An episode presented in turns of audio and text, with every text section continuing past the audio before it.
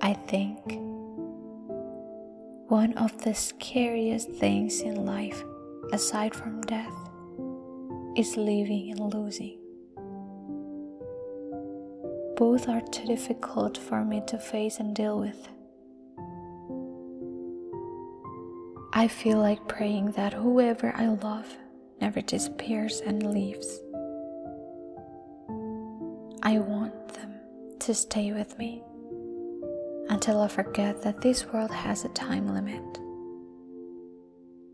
But unfortunately, no matter how hard I try to avoid those two dark things, they will still come to me for sure, like the certainty of God who could have taken my life at this moment.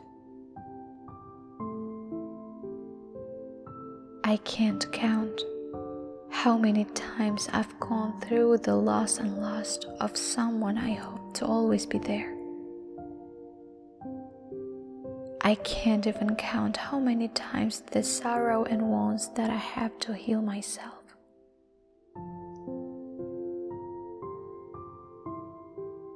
And then, after all that, I finally understand that departure, loss, death, and other sad things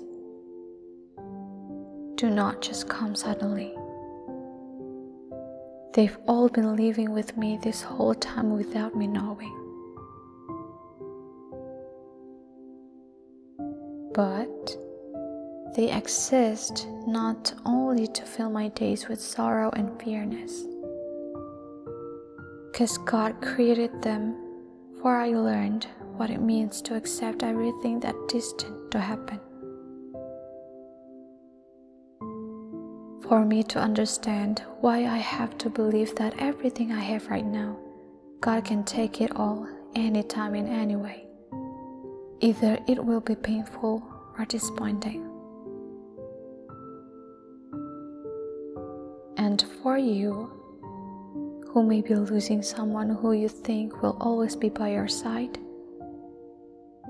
I know you are disappointed right now, either with the universe or its creator, because in your mind, they have cruelly taken what you've been loved. But please listen to me. There is one thing you need to know that your disappointment today will be rewarded by Allah with extraordinary gratitude. Because apparently, He and the universe only want you to be with someone more worthy to be with you.